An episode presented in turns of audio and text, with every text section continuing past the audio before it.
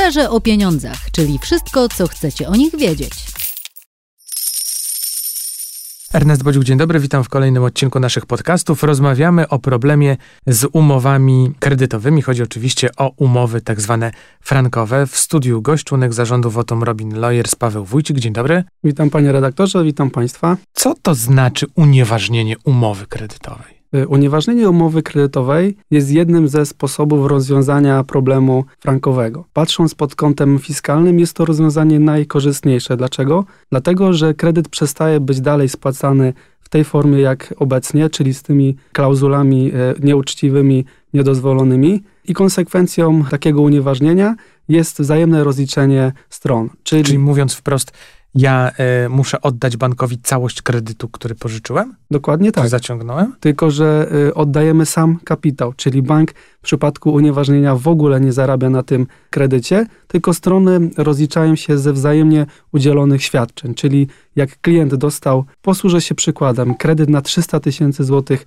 we wrześniu, to do tej pory spłacił około 200 tysięcy e, złotych rat. mówimy we wrześniu roku 2008, tak. czyli w momencie, kiedy ten boom frankowy był, był największy. I w takiej sytuacji klient, który zaciągnął kredyt właśnie na takich parametrach, czyli na 300 tysięcy złotych, na 30 lat, dzisiaj oddał do banku do tej pory 200 tysięcy złotych i w takiej sytuacji może o te 200 tysięcy do banku wystąpić. Oczywiście bankowi służy roszczenie o zwrot kapitału, czyli tych 300 tysięcy, które klientowi pożyczył. Czyli można rozliczyć się, my bankowi musimy oddać 300, bank musi nam oddać 200, czyli tak naprawdę jesteśmy 100 na minusie. Jesteśmy 100 na minusie w tym względzie, że jeszcze te 100 tysięcy musimy bankowi oddać. Natomiast pamiętajmy o tym, że to nasze saldo zadłużenia jest uzależnione od kursu franka.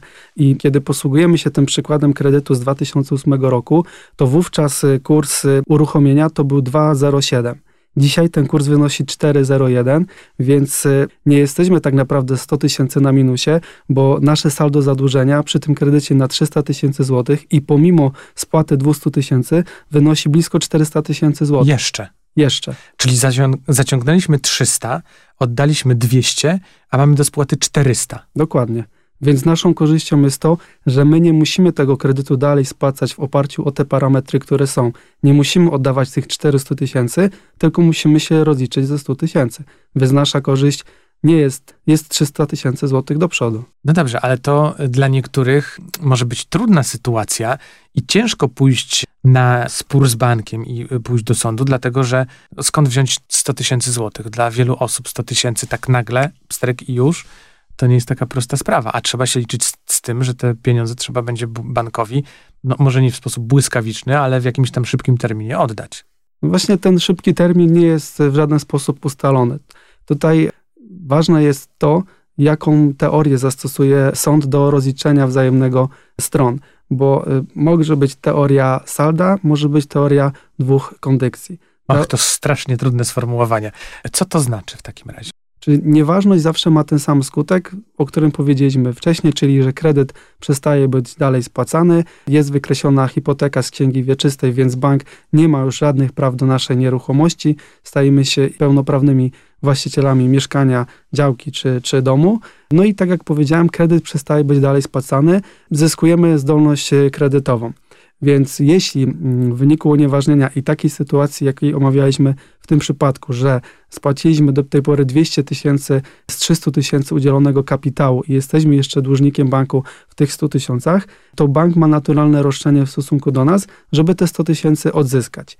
Oczywiście, jeśli dysponujemy środkami finansowymi, jakimiś oszczędnościami, możemy spłacić to od razu i mieć sprawę czystą rozliczenia z bankiem. Pamiętajmy, że nas już nie wiąże z bankiem żadna umowa, bo ona została unieważniona. Teraz to bank musi się postarać od nas o to, żeby te 100 tysięcy odzyskać.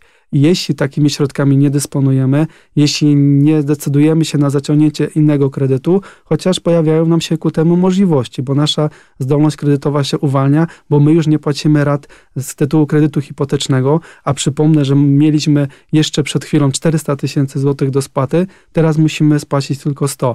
więc y, można skorzystać z innego e, kredytu konsumpcyjnego, konsumenckiego i w ten sposób spłacić te zobowiązanie i mieć problem z głowy. Można poczekać, aż bank nas wezwie o te środki. Oczywiście będzie musiał e, dysponować tytułem wykonawczym, czyli pozwać nas w sądzie i w ramach tego postępowania możemy wnosić o to, żeby to nasze zadłużenie pozostałe do spłaty zostało na raty y, przez sąd podzielone. Ale no właśnie, teraz wchodzimy w trudne pytanie. Na raty, ale z jakim oprocentowaniem? Czy to będzie kredyt hipoteczny, czy to będzie bardziej zbliżone do konsumenckiego kredytu, czy to będzie rok, czy to będzie 10 lat, czy to będzie termin, który pozostał nam do spłaty w przypadku tego kredytu, który mieliśmy? No tutaj pytań jest mnóstwo. Pytań jest mnóstwo, ale na szczęście na te pytania są konkretne odpowiedzi. Odpowiedzi udziela artykuł 320 kodeksu cywilnego, który wskazuje, jak w takiej sytuacji sąd może orzec w stosunku do, do dłużnika, który. E, no właśnie, no i co może zrobić sąd? Sąd może rozłożyć ten dług, który pozostał te, temu klientowi na raty i oczywiście to są raty nieoprocentowane. My pamiętajmy, że tutaj żadna umowa z bankiem nas nie, nie wiąże, tylko bank po prostu wystąpił do nas o to, że zalegamy mu jeszcze z, z tą spłatą 100 tysięcy złotych. Natomiast sąd ma do tego y, możliwości, żeby te 100 tysięcy złotych rozłożyć maksymalnie na 10 lat, czyli na 120 miesięcy. Bez oprocentowania? Bez oprocentowania. To jest oddanie, i dusza piekła nie ma. Oddanie czystego kapitału do, e, do banku. Dlatego tak bankom nie zależy na tym, żeby te umowy były unieważniane, bo oni nie zarabiają w żaden sposób na tym, na tym e, kredycie. A to jest idealne rozwiązanie dla frankowiczów. To oni no, zyskują tyle, ile nikt nie jest w stanie zyskać w zasadzie. Dokładnie tak. Natomiast pamiętajmy o tym, jak brzmi dokładnie treść y, wyroku CUE i wskazówek, które Trybunał dla, dla polskich sądów. Otóż, y, tak jak wspomniałem, ta nieważność mocno wybrzmiała w tym wyroku i też y, media, pełnomocnicy, klienci podchwycili tą kwestię nieważności, natomiast musimy pamiętać o dwóch rzeczach. Pierwsze takiej, że Trybunał wskazał oczywiście, że nie widzi przeciwwskazań, żeby takie umowy były unieważniane, ale jednocześnie celem tego artykułu 6, który w dyrektywie jest wskazane, nie jest unieważnianie każdej umowy, tylko takiej, która nie może być dalej wykonywana.